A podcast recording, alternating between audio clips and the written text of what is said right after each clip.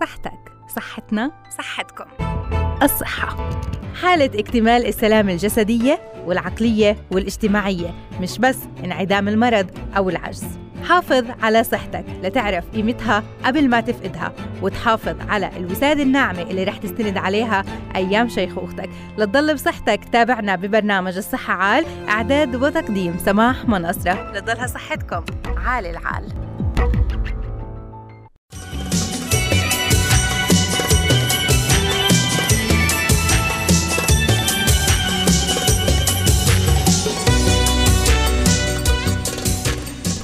الصحة عال عبر عالم اف ام يسعد أوقاتكم. حلقتنا لليوم تحمل لكم موضوعات مختلفة. إن شاء الله يكون فيها الفايدة والخير والعافية لكم جميعا. رح نحكي بآخر الدراسات الطبية الحديثة وآخر ما توصلت له الأبحاث الطبية بما يخص صحتنا أكيد. لنكون بمأمن وبعيدا عن كل الأمراض والأخطار المحدقة فينا.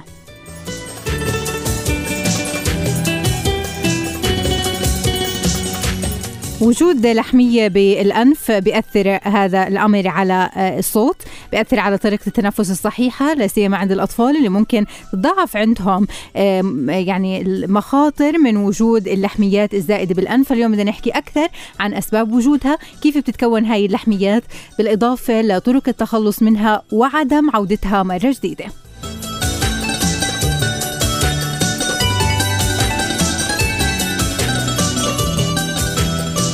للعائلات اللي رزقوا بمواليد جدد آه، بيكونوا آه، ممكن بتشوق كتير كبير لهذا المولود لدرجة إنه كل أهل البيت بصيروا بدهم يحملوه. فبتعود على طريقة إنه كل ما يبكي حد يحمله. فاليوم بدنا نعرف أكثر عن تفسير هاي الحالة. ليش بسكت الطفل الصغير لما إحنا بنحمله وبنمشي فيه أو بنصير آه، نغني له؟ كيف ممكن يفهم علينا؟ وهل تعتبر طريقة صحيحة لتسكيت الطفل عن البكاء؟ بحلقتنا لليوم كمان مستمعينا رح نحكي عن الملوثات الكيميائية. شو هي الملوثات؟ المواثيق الدولية اللي ذكرت المواد الكيميائية وتأثيرها على الإنسان مصادرها كيف إحنا بنتعرض لها كيف ممكن تأثر علينا وعلى آه، صحتنا بشكل أو بآخر. التأثيرات البيئية للمواد الكيميائية أكثر التأثيرات خطرا لما بنحكوا ثقب بالأذن هل هو فعلا ثقب بالأذن كيف ممكن ينتقل الضرر لنا كبشر بالإضافة لطرق حمايتنا من المخاطر آه، مخاطر المواد الكيميائية. وإذا كان في عنا ممكن بعض المصانع اللي بنبعث منها المواد الكيميائية كيف بيتم التعامل معهم من قبل سلطة البيئة.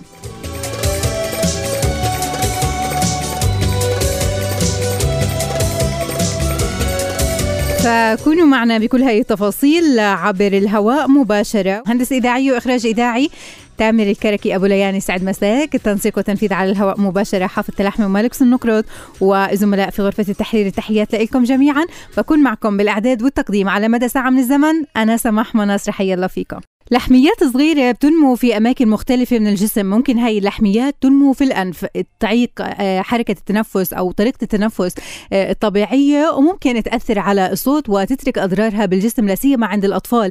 نتيجة وجود هاي اللحميات ممكن يتأثروا بشكل كتير كبير فتجرى عملية إزالة اللوز وإزالة آه، ممكن اللحميات بنفس العملية أو بيكون بينهم ممكن فترة بسيطة. فاليوم بدنا نحكي أكثر عن وجود هاي اللحميات شو أسباب تكونها هل تولد مع الطفل أم انها بتتكون فيما بعد بالإضافة لبعد آه، إجراء العملية. هل ممكن ترجع اللحميات مرة جديدة؟ هذا الموضوع اللي رح نطرحه لليوم أكثر مع أخصائي أنف وأذن وحنجرة الدكتور إياد حماد. أهلا وسهلا فيك يسعد مساك. ألو؟ مساء الخير مساء الخير لك ولجميع المستمعين. يا هلا ويا ميت مرحبا فيك دكتور. آه، حديثنا معك لليوم عن آه، اللحمية بالتحديد لحمية الأنف. خلينا بداية نوضح آه، شو هذا الأمر وكيف بتتكون هاي اللحمية في هاي المنطقة؟ نعم. هلا بالنسبة للحمية المتعارف عليها عند الأطفال أو اللي إحنا ما يسمى الأدينويد هي تعتبر كتلة لمفاويه من ضمن الحلقة الليمفاويه اللي بتكون في منطقة الحلق والأنف. فهذه اللحمية هي غدة لمفاويه لرفع مناعة الجسم والتصدي للميكروبات من الدخول إلى الجسم. هلأ هاي بتكون آه، في عمر من منذ الولادة هي تولد مع الطفل ولا بتكون لكن بتكون حجمها صغير. ومع الوقت أو بأعراض أخرى من حساسية أو من التهابات متكررة فبتصير تنمو بزيادة أكثر من اللازم فبتسبب في هاي المرحلة تضخم وهذا التضخم في دوره إنه يسكر منطقة التنفس ما خلف الانف وبالتالي بصبح بيصبح عند الأطفال مشاكل في التنفس وحتى بتنتقل من مشاكل التنفس إلى مشاكل التهابات الأذن. وتجمع السائل تمام يعني هي معلومة جديدة إنه اللحمية نفسها في حجمها اللي تولد فيه أو تولد مع الأطفال هي بتكون مفيدة بالنسبة لهم لكن نعم، نموها نعم. بشكل زائد هذا اللي بيسبب المخاطر نعم تمام. ما يسمى الأدينويد أو ال- اللحمية أو النامية اللي خلف الأنف هذه هي مم. تعتبر غدة لمفاويه أو خلايا لمفاويه اللي بدورها هي تحمي الجسم ولكن التهابها المتكرر ووجود ال- المؤثرات الخارجية مثل الحساسية أو الرشوحات المتكررة أو الفيروسات هاي بتسبب عند الطفل تضخم إلها وبالتالي بالعكس بتصير هي ما تشتغل لصالح الجسم بتشتغل ضد الجسم في حال إنه تحبس عنه الأكسجين فبتصير المشاكل سواء كانت آه، في الانف أو في الأذن. لأنه هي بتيجي في منطقة مفرق طرق بين الانف والأذن أو قناة الستاكيوس هاي أها. القناة بتيجي تجمع منطقة الانف مع الأذن فبتصير لها تفكير فبالتالي بتصير حتى الطفل يحسوا ان الطفل صار يتجمع عنده سوائل خلف طبلة الأذن. وسمعه ينزل وبصير الطفل آه، حسب ما بتذكر الأمهات إنه بضل منكد حتى في الأطفال العمر الصغير بصير آه، ما يرضع الطفل ما يكسر مم. فهاي المشاكل كثير بتصير مع الأطفال الصغار. تمام. طيب شو اللي بيخليها تنمو بشكل ممكن كبير عند بعض الأطفال وما تنمو عند البعض الآخر؟ يعني مش كل الناس عندهم اللحمية مؤذية. صحيح أنا برجع بكرر إنه سبب النمو الأغلب الشيء الحساسية. أها. هلا غير الحساسية الرشوحات المتكررة وعدم العلاج الرشح هلا الرشوحات كل الأطفال برشحوا. وكل شخص معرض للرشح ولكن يفضل إنه الرشح يعالج في وقته إنه ما نتركه اللي يدخل في شيء مزمن. هلا إذا بدخل رشح في رشح مزمن فبصير تضخم للخلايا.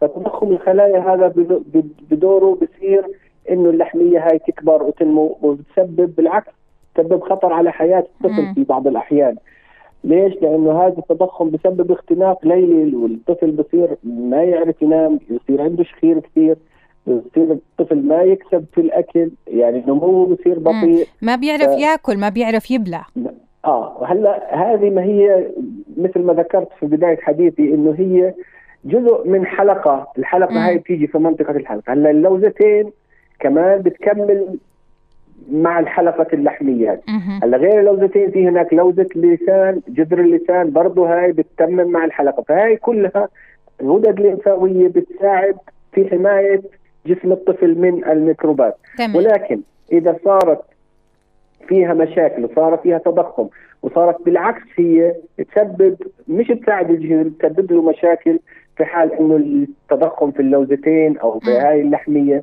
بصير يسبب تكرار الالتهابات عند الطفل تمام الطفل بصير يضطر يأخذ مضادات حيوية مم. وأدوية وفي بعض. ال... في بعض الحالات كمان بيلجأوا الأهل والأطباء لإجراء العملية الجراحية لإزالة هاي اللحميات متى بتلجأوا لهذا الخيار نعم هلا إذا ما قدرنا نسيطر على الموضوع بالعلاجات الدوائية ف والطفل ما بتحسن وظل عند الطفل مشكلة في الاختناق الليلي أو تجمع الماء ال- المي ورا الطبلة أو صار عند الطفل آه، أعراض ثانية كمان خطر على حياته. وقتها طبعا ما بتضلش عندنا خيار غير التدخل الجراحي. مم. وهذا التدخل الجراحي هي من العمليات السهلة والبسيطة اللي ما بتضر.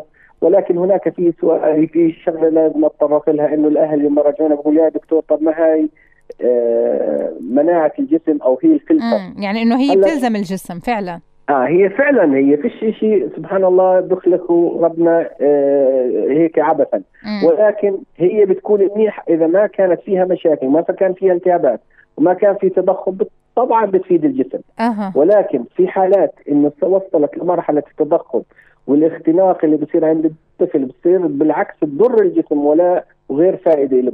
فبنضطر حتى حتى إنقاذ حياة بعض الأطفال اللي ما يصير حتى اللي عندهم لحميات كبار بنهيب بالأهالي إنه في الليل حتى إذا بتحس إنه صار توقف في النفس مع الطفل بالعكس لازم تصحيه. تمام. ليه؟ طيب سؤال بس سؤال آه إنه آه يعني ممكن يسبب له الاختناق آه سؤال إنه في بعض الناس بيجروا عملية جراحية بيزيلوا اللحمية بيسألوا إنه ممكن ترجع مرة جديدة ولا خلص؟ هلأ آه إذا السبب ما زلنا يعني إحنا ذكرت إنه السبب ممكن الحساسية. هلأ إذا كانت الحساسية موجودة طبعا هذا الجسم لا يزال بيتفاعل معها فعلى المدى البعيد ممكن تعاود تتضخم ولكن ليس بالحجم مم. الموجود آه، في الوقت اللي بنجري فيه العملية. أه. فهلا في شغلة ثانية لازم أنا أذكرها إنه اللحمية عند الأطفال حتى سن 11 سنة بتختلف عن اللحمية اللي عند الكبار اللي فوق سن 14 16 سنة. أه. هلا ليش؟ لأنه في عندنا بتصير مضاربات في في المصطلحات اللحمية هاي علميا اسمها الادينويد الناميات الخلف الأنفية م. ولكن عند الكبار فوق سن 16 سنة أو 14 سنة فما فوق هاي في الأنف نفسه بتصير أها تمام هاي تمام. اسمها توربينيت يعني م. هاي مش لحمية هاي لحمة هو ليش؟ لأنه بيجي بيقول لك يا دكتور طب ما هو إحنا سويناها اللحمية لما كان عمر الطفل ثلاث سنين أو أربع سنوات م. فلا هذا شيء مختلف اللي في الأنف بيختلف عن اللحميات هي أو القرنيات المهم المشكلة في المسميات. تمام يعني إن شاء الله الناس بيكونوا آه، أدركوا آه، هذا الفارق يعرفوا بانه الحساسية والرشوحات المتكررة بدون علاج هي اللي بتؤدي لتضخم هاي اللحمية والتسبب أيضا في كل هاي المخاطر الصحية على الأطفال. ممكن تسبب لهم الاختناق لا سمح الله وتودي بحياتهم. فلازم إنه الأهل ينتبهوا لهذا الموضوع ويعرفوا كيفية العلاج من خلال ما ذكر. أكيد شكرا لحضرتك دكتور إياد حماد أخصائي أنف وأذن وحنجرة فاصل. وراجعين للصحة عال ابقوا معنا. يسعد مساكم بكل الخير مستمعينا والتحيات لكل اللي انضموا لسماع برنامج الصحة عال كثير من الأهل لما بيجيهم مولود جديد على العائلة بيصيروا بدهم يحملوه بيصيروا بدهم يقبلوه. فالطفل ممكن يتعود على طرق آه، تكون آه، مؤذية لإله بسبب أو بآخر لأنه بيعتاد عليها وبرفض مثلا أنه يسكت إلا لما ياخذ أو يعملوا له أهله الأشياء المتعود عليها. ومن هاي الطرق اللي هو إنه إحنا بنحمل الطفل آه وهو يبكي فبنلاحظ بإنه هو ممكن يسكت بنصير نغلي له كمان بسكت بنصير نمشي فيه ممكن كمان هذا يؤدي لانقطاعه عن البكاء. فهل هي طرق آه، صحيحة ولا هيك ممكن إنه مثل ما بتعبر بعض الأمهات إنه ما تعودوا لي ابني على هاي الشغلات لإنه أنا ما رح أعمل له إياها ورح يضل دائم البكاء لحد ما أعملها؟ فهذا الموضوع اللي رح نناقشه لليوم مع الدكتور حاتم شحادة أخصائي آه، طب الأطفال وحديثي الولادة. دكتور دكتور حاتم أهلا وسهلا فيك مساء الخير. أهلا فيك وبجميع مستمعي راديو علم أهلا وسهلا بحضرتك. بكاء الطفل آه، المولود حديثا ممكن يكون متكرر. آه، أشياء بيبحثوا عنها الأهل إسكات الطفل آه، ممكن تكون بطريقة حمله. هل حمل الطفل الرضيع ل يعني بسبب إنه إحنا بدنا نخليه يسكت عن البكاء بتكون طريقة صحيحة ولا مؤذية بالنسبة له؟ لا هو الواقع انه الطفل بيبكي غالبا لسببين م. إما إنه بيكون بحاجة لتغيير الحفاضات أو إنه بيكون يشعر بالجوع وبحاجه للرضاعة هدول السببين الرئيسيين م. بالإضافة طبعا للأسباب المرضية يعني إحنا بنتكلم عن الحالات العادية م. الأسباب المرضية طبعا كثيرة جدا آه، منها التهاب الأذن الوسطى منها لا سمح الله وجود افتاء عنده مثلا عند الطفل خاصة إذا كان بكاءه مستمر ممكن يكون مغص يتسبب عنده في إسهال شديد وتقيؤ.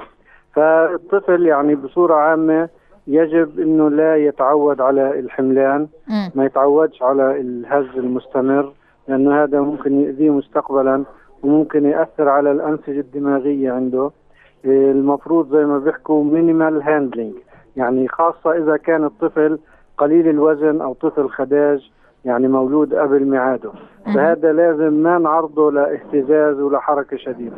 والحركة اللي هي في تكون في زي المرجوحة مثلا أو زي ال ال السرير الهزاز هذه طبعا تضر الطفل ومش لازم إنه نعودوا عليها. أها. يعني بتضر نعم. الطفل بس طريقة إقناع الناس بإنه ما هينا إحنا انهزينا وإحنا صغار وما صار لنا شيء وإنه هي أطفال اليوم كمان إحنا بنهزهم ما بصير لهم شيء كيف بإمكاننا إنه نقنع الأهل بالطريقة الصحيحة للتعامل ما فيها إحصائيات حتى تبين صار أو ما صار بس الواقع إنه هذا مش بصير بشكل لحظي. أه. زي ما بنقول إحنا مثلا السجاير مؤذية وهذا ضررها مؤكد. أه. بس مش معناه إنه واحد بدخن أول شهر شهرين بتصير عنده سرطان الرئة لا سمح الله. الشغلة تراكمية يعني. إذا بصير هذا الإشي ممكن إنه يأثر على ال IQ تبعه اللي هو نسبة الذكاء والقدرة المعرفية عند الطفل. هذه ما حدا بنسبها يمكن يصيروا يقولوا لأخواله ولا لأعمامه. أما ممكن يكون من ضمن أحد الأسباب اللي هي الهز اللي بيحصل للطفل إنه يكون ذكاءه ومستواه في المدرسة أقل مما كان ممكن يحصل لو إنه ما تعرضش لهذا الهز ولا هاي الحركات. تمام. هلأ في بعض الأمهات تحكي لنا بأنه هي بتغير لطفلها بترضعه ما عنده أي مشكلة لكن لما يبكي مجرد ما تحمله آه، بسكت. فهل فعلا الطفل بتعود على طريقة آه، أمه مثلا بإسكاته عن البكاء؟ آه طبعا يعني بالنسبة للطفل يعني هو مش مجرد إنه يرضع أو يتغير له هو بحاجة للحنان والارتباط بالأم. وبالتالي يعني هو أصلا لما كان في بطن أمه كانت تتحرك وفي بطنها يتحرك معاها فهو متعود على الحركة. فبنلاقي الأطفال فعلا يعني إنه مجرد ما يركب السيارة بتلاقيه ممكن يسكت. يعني أنا أكثر من حالة بيقول مش راضي يسكت بس جبنا لك إياه في الطريق سكت. يعني وبطل آه. عياطه. فهذا مضبوط يعني الحركة بس إحنا ما بدنا تكون يعني باستمرار. يعني خليه يعيط له شوي يعني زي ما بقولوها إنه فقع من العياط. في طفل بفقع من العياط. أه. وناس سمعنا واحد فقع فعلا من العياط أو صحيح. لا سمح الله مات من البكاء. ما هذا كلام عامي ومش صحيح. أه. نصائح أخيرة لكل يرتبط يعني أه. إنه سكوته بالحملان وهذا لأنه مش دائما الأم قادرة إنه تتفضل وتضل في عندها شغل البيت في عندنا أطفال بودوهم على الحضانة الأمهات العاملات. فاللي في الحضانة مش رايحين يقدروا إنه يضلوا يحملوه حتى يسكتوه. نصائح أخيرة لكل الناس اللي بيسمعونا يعني هاي ممكن نصائح للأمهات لنصائح للمحيطين نعم. فيها أيضا للتعامل مع الطفل المولود حديثا. ممكن يكون جديد على العائلة وممكن كثير متشوقين لإله بس إنه في بعض التصرفات إحنا مش بقصد إنه نأذي الطفل بس بنلاقي حالنا عملناها وتسببت لإله بمخاطر. فشو بتنصح؟ يعني في مثلا إنه الأب بيكون فرحان على ابنه بتلاقيه بصير يرفعه في الهواء لفوق مم. عدة مرات و وبنبسط كل ما ارتفع أكثر آه. طبعا هذا من الأخطاء الكبيرة يعني لأنه هذا مرة على مرة بيعمل ارتجاج في الدماغ عنده وممكن يكون تأثير مباشر وسريع وممكن يكون تأثير يعني بطيء يبين فيما بعد هذا لازم نبعد عنه مم. وفي العمر الأكبر طبعا النصيحة الطفل اللي بده يفهم بعد السنة ونص وسنتين سنتين ونص بصير مثلا بده شغلة بصير يبكي وممكن يزرق وزي ما بيقولوها بالعامية يسخسخ أو يكاد يفقد الوعي. أه. ففي الحالة هذه آه، مش لازم نعطيه اللي بده إياه. يعني ونرفض دائما الاستجابة لمطالبه مرة على مرة ببطل هذا الإشي لأنه في العقل الباطن بصير عنده مرتبط يعني الإغماء هاي البسيطة والتشنج. إنه ممكن يحصل على مراده بهي الطريقة. تمام. مش لازم نستجيب له في الحالات هاي. تمام. بدي أتشكرك دكتور. معلومات مهمة جدا. إن شاء الله يكون في استفادة منها والصحة والعافية والخير لكل أطفالنا. خليكم معنا. كونوا معنا متابعينا. رح نعرف أكثر عن المخلفات الكيميائية وأثرها على الصحة وكيفية تجنب هاي المخاطر على المدى البعيد. كونوا معنا تفاصيل كثيرة في برنامج الصحة على طيب المتابعة. نحكي هلا بموضوع مهم جدا.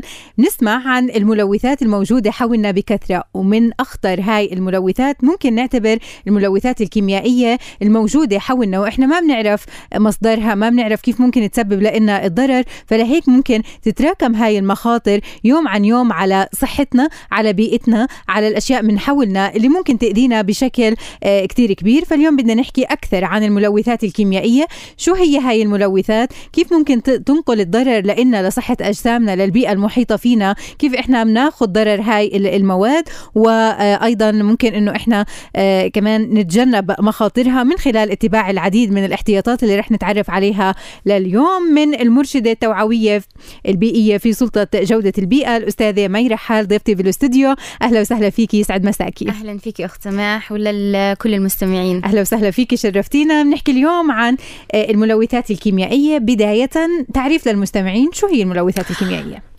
بدي بداية أعرف آه، شو هي المادة الكيميائية م. المادة الكيميائية هي عبارة عن أي مادة إلها تركيب كيميائي آه، كيميائي محدد يعني ممكن تكون هاي المادة نقية بتتعو... بتتكون من عنصر أو مركب واحد أو ممكن تكون مزيج من هاي المركبات أو العناصر مع بعض تمام. المادة الكيميائية بتعريفنا ممكن تكون بش... بحالات مختلفة ممكن تكون غاز ممكن تكون سائل ممكن تكون صلب م. وبتتحول نتيجة ضغط والحرارة آه، درجة الحرارة لا بتدخل في تفاعلات كيميائية هون اللي بتكمن عندنا آه، جزء من الخطورة إنه لما بتدخل في تفاعلات كيميائية. يعني مثلا إذا بدنا نيجي نعرفها ممكن الماء هو إيش؟ هو مادة كيميائية بس المادة الكيميائية هون مش آه، خطيرة, بتت... مش خطيرة. بتتكون من آه، هيدروجين وأكسجين. يعني هاي بشكل عام إنه إيش بدنا نعرف المادة الكيميائية بس المواد الكيميائية الخطيره هي بشكل عام هي المواد اللي لها تأثير سلبي على صحة مم. الإنسان وتأثير سلبي برضه على البيئة. أها. لكن كثير منا اللي ما بنعرف إنه المواد الكيميائية اللي ممكن تسبب لنا الضرر. يمكن يعني ممكن تكون حوالينا هلأ بس إحنا ما بنعرف إنها خطيرة علينا. كيف بالإمكان نستدل على الملوثات الكيميائية؟ آه طبعا آه خلينا نحكي آه عدة دول بالعالم وضعت قائمة بالمواد الكيميائية وصنفت أرض آه أيضا اللي هي المواد الكيميائية الخطيرة. أه. فبدي أذكر مثال اللي هو ميثاق الاتحاد الأوروبي. حط توصيف للمواد الكيميائية وبين مخاطرها. خصوصا في الملحق الثالث يعني أنا هون كتير بحب أركز إنه الناس برضو ممكن ترجع له هذا الملحق حطوا فيه قائمة بالمواد الكيميائية. م. وشو مخاطرها؟ مخاطرها مثلا آه، بين الأثر هل هي في ممكن تسبب هاي المادة الكيميائية إلها رمز معين؟ م. هل هي بتسبب حروق؟ هل بتسبب مثلا تهيج للجلد؟ أو ممكن تعمل آه، أثر سلبي على الجهاز التنفسي؟ هل ممكن هاي المادة سميتها عالية سميتها متوسطة قليلة؟ آه، هل ممكن تعمل انفجار؟ ممكن تسبب برضو اشتعال؟ وحط برضو توصيف للمواد الكيميائية المركبة أه. المعقدة يعني التركيب أه. يعني هاي ذكرت بالمواثيق الدولية هل بتشوف الناس إنه عارفين فيها بيعرفوا شو يعني مواثيق دولية وعارفين الملوثات وشو ممكن تسبب لنا إيه شوفي آه إحنا دورنا بسلطة جودة البيئة من خلال أه. برامج التوعية والتعليم البيئي إنه نقوم على توعية المواطن بمخاطر هاي المواد الكيميائية من خلال العديد من البرامج وإحنا هون أكثر بنركز على آه، اللي إحنا موجود عندنا بفلسطين يعني إحنا لو نيجي مثلا نصنف المواد الكيميائية موجودة حوالينا وين ما كان تمام؟ بالزبط وهي دخلت جزء أساسي من حياتنا وصارت آه يعني بتدعم الحياة بتدعم الاقتصاد. يعني لو أجيتي مثلا تعرفي كم مادة كيميائية موجودة موجود عندنا حوالي مئة ألف مادة كيميائية. مم. وتقريبا في الفترة الأخيرة كل سنة في عندنا 2000 مادة كيميائية جديدة بتدخل. فتخيلي إنه تراكم هاي المواد الكيميائية شو ممكن يكون أثرها. آه لكن آه يعني إذا أجينا في فلسطين نشوف مثلا المصانع الخطيرة هي أقل من عشر يعني تقريبا عشر بالمية. هلا لكن المواد الكيميائية اللي إحنا عندنا آه، كمية كبيرة منها يستهلك اللي هي عن طريق المنظفات المنزلية. أكثر شيء. أكثر شيء. وهون إحنا بنقوم بعدة برامج توعوية آه، للجمعيات النسوية آه، للمراكز النسوية وأيضا من خلال أحكي لك العديد من المؤسسات. هاي المنظفات المنزلية بتحتوي على مواد كيميائية. لازم المواطن يكون عارف كيف يتعامل معها. يعني, يعني ممكن يكون أكثر أكثر الخطر ممكن يكون على صحة ربة البيت بالتحديد لأنها أكثر شيء ممكن بيستخدم هاي المواد الكيميائية أو الملوثات. إيه، طبعا لأنه إيه، بتعتمد المادة الكيميائية عادة على قديش السمية تبعتها. يعني م. في إحنا عندنا إيه، اللي دائما بنعمل إرشادات إنه هاي المادة الكيميائية موجودة في عبوة. كيف طريقة التعامل مع العبوة نفسها؟ م. إنه نقرأ التعليمات الموجودة عليها. كثير من المواد الكيميائية ممنوع تلامس الجلد آه. لكن في أخطاء إحنا عم بتلامس الجلد. يعني إحنا بنشتري مواد تنظيف لحتى ننظف بيوتنا بس ما بنعرف إنها بتلوث صحتنا بالتحديد صحيح صحيح وكمان الكمية المستهلكة من هاي المنظفات مم. المنزلية يعني آه كثرة هاي الكمية لا تعني زيادة نظافة آه. صراحة مم. لأنه هي عمالنا إحنا بنراكم في سموم آه وخلينا نحكي الجزئيه هون مثلا الكلور آه. الكلور لا يعني إنك أنت آه مثلا نظفنا بالضبط نظفنا الكاسة إنه بالكلور وغسلناها بالمي لا يعني إنه راح أثر الكلور آه. يعني الكلور من مثلا مواد كيميائية اللي بتعلق وإحنا هون شو ممكن تسبب لنا؟ يعني لما يعلق الكلور بالادوات اللي إحنا بنستخدمها أدوات المطبخ شو ممكن تسبب لنا؟ شوفي المواد الكيميائية بشكل عام آه، أثرها تراكمي مم. جزء منها. هاي المواد فيما بعد إذا تراكمت آه، آه، وسميتها زادت في الجسم ممكن تؤدي بشكل عام لمرض السرطان. مم. لا سمح الله. طيب كمان نحكي عن مصادر الملوثات. يعني في منها مصادر طبيعية ومصادر صناعية وغيره. كيف بنوضحها لنا طبعا. أول مصدر للمواد الكيميائية مصادر طبيعية اللي هي موجودة في كل مكان يعني زي مم. المياه وموجودة في التركي التفاعلات الحيوية في النباتات عادة ما بتأذي لأنها أصلا موجودة في حياتنا أوه. وفي بيئتنا لكن في آه، بعض من هاي المواد الكيميائية مثلا أنا بحب أذكر هون مثال الزرنيخ الزرنيخ موجود آه، في المياه الطبيعية عن طريق إنه احتكاك هاي المياه بتعمل تآكل للصخور آه اللي موجودة حواليها وخاصة الصخور البركانية وبذوب هذا الزرنيخ في المياه. مم. وإحنا لما بنسحب بالضبط للآبار بس إحنا مم. هون في عنا رقابة على جودة المياه من خلال الآبار. برضو البكتيريا الفيروسات. هاي كلياتها ملوثات آه, آه، بشكل عام. هاي ملوثات بيولوجية خلينا نعتبرها. المصدر الثاني اللي, اللي هو المهم المصادر الصناعية. المصادر الصناعية اللي بتيجي عندنا من الصناعات المختلفة من الأبنية آه من الشاحنات اللي بتنقل البضائع عن طريق عوادم معادم السيارات آه، من المواد الخام وبتطلع على شكل أبخرة. هاي الأبخرة آه، ممكن تطلع بالهواء أو عن طريق مياه عادمة أو نفايات صلبة وكلياتها هاي بتحمل مواد كيميائية. بس أشهرها إنه مثلا ماده الزئبق الموجودة بموازين الحرارة الاسبست الموجود في مواد الطلاء أو اللي هو هلأ ممنوع استخدامه اللي هي الشرائح الموجودة على الأسطح البنايات لمنع التسرب. آه النسيج كانوا قديما مثلا يستخدموه في آه بالضبط. وفي عندنا كمان اللي هي المواد الكيميائية اللي بيستخدموها في تبييض الملابس آه، في أوه. صبغ الملابس. هاي كلياتها مواد كيميائية. آه لا يفضل استعمالها لأنه لها أثر سلبي على الصحة. المذيبات اللي بيستخدموها بيستخدموها بصناعة الإطارات كمان هي عندنا أحد المصادر الصناعية. في عندنا مصادر زراعية زي المبيدات بشتى أنواعها من حشرية الأعشاب القوارض وغيرها اللي إحنا بنستخدمها للتحكم والمكافحة الآفات اللي ممكن تصيب هاي المحاصيل. آه وعندنا المصادر الحضرية اللي هي آه الكسرات. محركات المرا... المركبات و... يعني. بالضبط والرصاص و... والمصانع بشكل مم. عام مم. طيب هلا يعني كل هاي المصادر الطبيعيه والمصادر الصناعية والمصادر الزراعية كيف بنتقل خطر المواد الكيميائية لصحتنا آه شوفي طرق تعرضنا للمواد الكيميائية آه بترتكز على ثلاث طرق رئيسية مم. أول طريقة اللي هو ممكن امتصاصها عن طريق الجلد وهون ممكن يكون أثرها آه المباشر إنه بتعمل تهيج في الجلد ممكن تسبب حساسية آه وممكن تنتقل لمستويات أعلى إنه بتسبب التهاب جلدي. آه، عادة المواد الكيميائية آه، بشكل مباشر اللي بتسبب هاي الأعراض آه، اللي هي اللي هي يعني عن طريق خلط ورش المبيدات الكيميائية.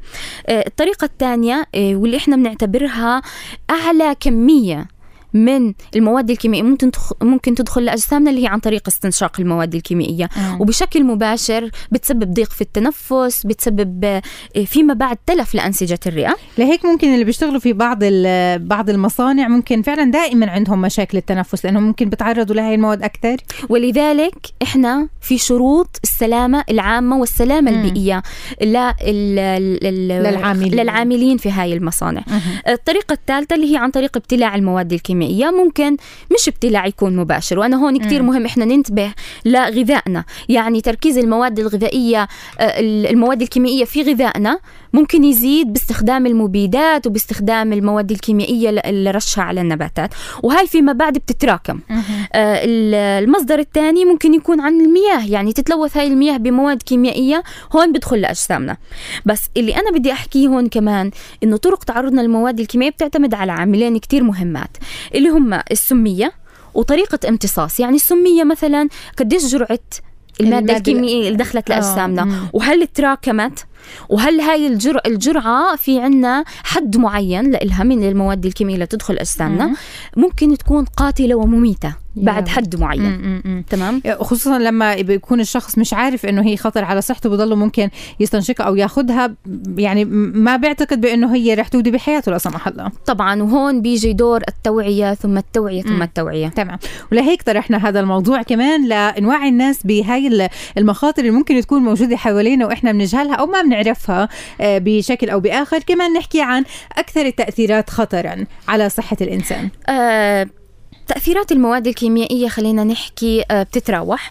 آه، لو بلشنا في آه، مثلا المواد الكيميائية الصناعية المنشآت الصناعية ومواقعها ومن وين تتخلص بنفاياتها السلوك الزراعي الخاطئ في استخدامنا للمبيدات للأسمدة هون بدمر بشكل رئيسي اللي هي الأنظمة المائية أو المياه بشكل رئيسي لأنها كمان بتزيد كمية النيتروجين وكمية الفسفور اللي بتدخل لهي المياه. وممكن يصير في عندي في البيئات مثلا في مناطق الأنهار البحيرات نمو يعني هائل للنباتات بتخ... بتؤدي إلى خلل في التوازن البيئي في هاي البيئة. هلأ الم... الأنظمة البرية لها تأثيرات سلبية بشكل رئيسي على النباتات واللي هون إحنا برضو بناخذها لأجسامنا. آه بس أنا بحب آه أحكي هون على نقطتين رئيسيات اللي هو المطر الحامضي. واستنزاف طبقة الأوزون هم التأثيرات السلبية المباشرة للمواد الكيميائية. آه. رح نحكي بتفاصيل هاي المواضيع بالتحديد عن طبقة الأوزون والبدائل اللي بدها تكون كمان موجودة عند كثير من الناس. يعني مثلا بدنا نحكي لهم إنهم ما يستخدموا مواد التنظيف. طب في بدائل لهذا الموضوع أو في طريقة استخدام آمنة لحتى إحنا نبعد خطر المواد الكيميائية على صحة أجسامنا؟ خليكم معنا. كونوا معنا متابعينا رح نستكمل معكم موضوع المخلفات الكيميائية وأثرها وكيفية تجنب مخاطرها بالتحديد لربات البيوت اللي بيستخدموا مواد التنظيف بكثرة. فكيف ممكن يتجنبوا مخاطر مواد التنظيف وممكن يكون في بدائل لإلها؟ فابقوا معنا تفاصيل كثيرة في برنامج الصحة عال العافية والخير لكم جميعا. يسعد أوقاتكم مستمعينا بكل الخير على أثير راديو عالم متواصلين معكم برنامج صحة عالم. نحكي عن الملوثات الكيميائية. عرفنا المواد الكيميائية وخطورتها على الصحة كيف ممكن تت... نتعرض لها أو تنتقل لأجسامنا. هلأ وصلنا للحديث عن طبقة الأوزون ونحكي كمان عن دور سلطة البيئة في توعية الناس وفي الرقابة على المصانع اللي تستخدم المواد الكيميائية والبدائل. لكل سيد عم تسمعنا الآن تستخدم مواد التنظيف بكثرة. شو البدائل الطبيعية الموجودة؟ ما بين ايديكي وبالإمكان انه تستخدميها لحتى تبعدي هاي المخاطر عنك وعن صحة عائلتك. هذا الموضوع بالعودة للأستاذة ميرا حال مرشدة توعوية بيئية في سلطة جودة البيئة. أهلا وسهلا فيك من جديد. أهلا فيك سما أهلا كل المستمعين. أهلا وسهلا بحضرتك. نحكي هلأ عن طبقة الأوزون. يعني إحنا بالعادة بنسمع آه، ثقب الأوزون لكن صلحتي لنا هاي المعلومة في الفاصل إنه في ترقق لطبقة الأوزون. شو الفرق؟ آه، استنزاف طبقة الأوزون بتعريفه اول شيء هي طبقة الأوزون بتتكون من ثلاث ذرات أكسجين. ومهمتها الأولى هي حماية ودفاع عن الكرة الأرضية من الأشعة فوق البنفسجية والأشعة الضارة اللي ممكن تدخل آه، علينا. آه، استنزاف طبقة الأوزون بما معناه ترقق طبقة الأوزون. يعني بسمح آه، جزء من هاي الأشعة إنها خلينا نحكي يكون لها أضرار على صحة الإنسان بشكل أساسي والبيئة. مثلا استنزاف طبقة الأوزون ممكن يسبب مشاكل صحية. مثل عتام عدسة العين أو نقص المناعة أو ممكن يسبب سرطان الجلد واللي عماله هلا بنشر. آه في عنا كمان تدمير للسلسلة الغذائية آه خفض إنتاج المحاصيل مثلا مم. وكل هاي الآثار السلبية لاستنزاف طبقة الأوزون أحد أسبابه المهمة هو الملوثات الكيميائية واللي بتيجي آه، كنتيجة لها فيما بعد اللي هو التغير المناخي اللي إحنا عم بنعاني منه اليوم مم. يعني يعني بيكون بسببنا إنه أه إحنا استخدمنا المواد الكيميائية بطريقة خاطئة طبعا طبعا يعني مثلا تغير المناخ بتزيد عمالها درجة الحرارة مم. بسبب تلوث الهواء عدد الأيام اللي بالسنة اللي درجة الحرارة فيها مرتفعة عمالها بتزيد مم. يعني إحنا اليوم لسه ببداية شهر اثنين درجة حرارة مرتفعة صح. آه بس شو السبب شو المواد الكيميائية اللي ممكن تسبب بشكل رئيسي استنزاف مم. لطبقة الأوزون اللي هي بنسميها الكلوروفلوروكربون مم. هاي المواد الكيميائية اللي فيها مادة الفلور وفيها مادة الكربون بشكل عام موجودة آه اللي هي في أجهزة التبريد والتكييف مم. كسوائل للتبريد في مواد التنظيف للأجهزة الإلكترونية وفي الغازات اللي هي المكافحة للحرائق وعادة هون بيتمش خلينا نحكي صعب إنه نقدر نحصرها فلذلك ممكن طوالي تروح للجو وتوصل لطبقة الاستراتوسفير اللي هي بتحمي وطبقة الأوزون اللي هي ممكن إحنا بتحمينا من الأشعة فوق البنفسجية. بس الناس اللي بيستخدموا يعني هاي المواد أو آه، ممكن إنه عندهم أجهزة التكييف والتبريد ما بيعرفوا إنها بتبعث مواد ممكن ترقق طبقة الأوزون. هون إحنا بيجي دورنا كسلطة جودة مم. البيئة من خلال برامج التوعية اللي حكينا فيما آه، فيما سبق عنها ورح نوضح هلا بعض الشغلات. آه، بس مثلا من الاتفاقيات الدولية اللي انعملت في موضوع الأوزون اللي هو م. بروتوكول مونتريال بروتوكول مونتريال اجى خلينا نحكي لتنظيم اللي هي المواد اللي بتسبب استنزاف آه، طبقة الأوزون أه. يعني هون بشكل عام استنزاف طبقة الأوزون هو أحد أهم التأثيرات البيئية للمواد الكيميائية م. بس كمان في عندنا نقطة مهمة اللي إحنا آه بظهر نتائجها ورح تزيد هاي النتائج اللي هو المطر الحامضي يعني درجة الحموضة تبعت المطر الحامضي بتكون أقل من المطر العادي اللي هو درجته 5.6 بس درجة الحموضة المطر الحامض بتوصل تقريبا لأربعة. ونتيجة اللي هي الأكاسيد الأكاسيد اللي هي بتيجي من الصناعات أو من الحرائق ولها تأثيرات خلينا نحكي سلبية جدا على الإنسان. بتعمل آه، بشكل رئيسي على ضيق في التنفس وفيما بعد بصير في عندي أمراض.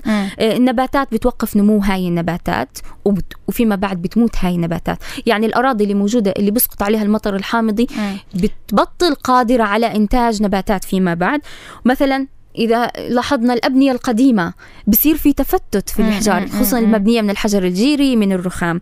المياه إذا تراكمت هاي المياه أو المطر الحامضي في آه، المياه هون ممكن تسبب آه، خلينا نحكي آه، تلوث لهاي المياه وفيما بعد. بتأثر على أه. صحتنا وعلى صحيح. يعني هاي التأثيرات بتنتقل للبيئه بتنتقل للنباتات بتنتقل للحيوانات بتنتقل للإنسان آه، اللي ممكن نكون مسؤولين عنها بدرجة كبيرة. فدوركم كسلطة جودة البيئة لتوعية الناس للحد من الملوثات الكيميائية. شو بتعملوا؟ شوفي الإدارة ال بشكل عام الإدارة السليمة البيئية آه خلينا نحكي للمواد الكيميائية بشكل أساسي مهمة جدا. فاحنا دورنا بسلطة جودة البيئة بركز دائما على برامج التوعية واللي هلأ في عنا آه تطلعات مستقبلية لهذا الموضوع. التطلعات المستقبلية بتركز على شغلات منها السيارات المشطوبة. مم. قديش بتنتج هاي مواد كيميائية لبيئتنا؟ وقديش ممكن تأثر مثلا على صحتنا؟ مم. آه تقييد الاستيراد المواد. هلأ مثلا عندنا مصانع مثلا الذهب والألبان وغيرها من المصانع بتستورد مواد كيميائية لكن بتاخذ تصاريح من سلطة جودة البيئة ومن جهات الاختصاص باستيرادها.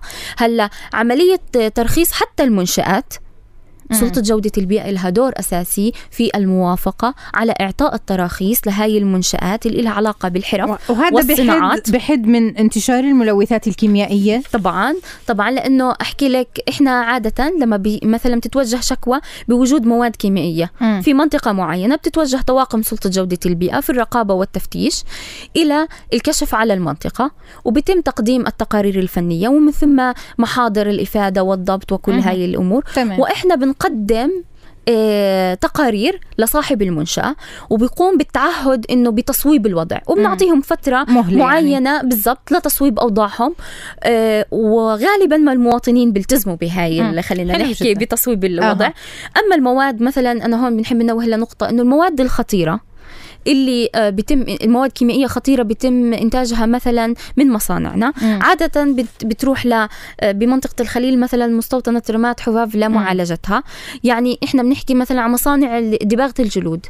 آه، تكلفة معالجة مثلا الكروم الواحد طن منه بكلف 15 ألف شيكل. يا ويلي. يعني المواد الكيميائية بالضبط دلالة على أنه هاي المواد الكيميائية. مم. هي مواد كيميائية خطيرة. صح. فدور المواطن واللي إحنا بنشتغل عليه م. كمان إنه الأسهل والأقل تكلفة والأقل دمار إنه نمنع انبعاث هاي المواد الكيميائية لبيئتنا آه، تأثيرها آه، على صحتنا آه، تقييم مثلا مثلا عندنا دراسات تقييم الأثر البيئي م. من خلالها للحرف والصناعات اللي بتحتاج لهاي الدراسات إنه بيتم تقدير المواد الكيميائية اللي ممكن تخرج لبيئتنا تمام تمام؟ وبنحدد خطورتها وبنوجه صاحب المنشأة للاجراء اللازم ل أه. سؤال سؤال أخير إنه كيف بالإمكان إنه السيدات اللي بيسمعونا في هاي اللحظات الأكثر استخداما للمواد الكيميائية يكون بدائل عندهم؟ شو البديل؟ البديل الرئيسي أول شيء هون إحنا بنعرف المجتمع الفلسطيني تقريبا مجتمع زراعي. ولذلك لازم أول شيء نستخدم الأسمدة الطبيعية من المواد العضوية اللي بتطلع من بيوتنا ما نستخدمش الأسمدة الكيماوية.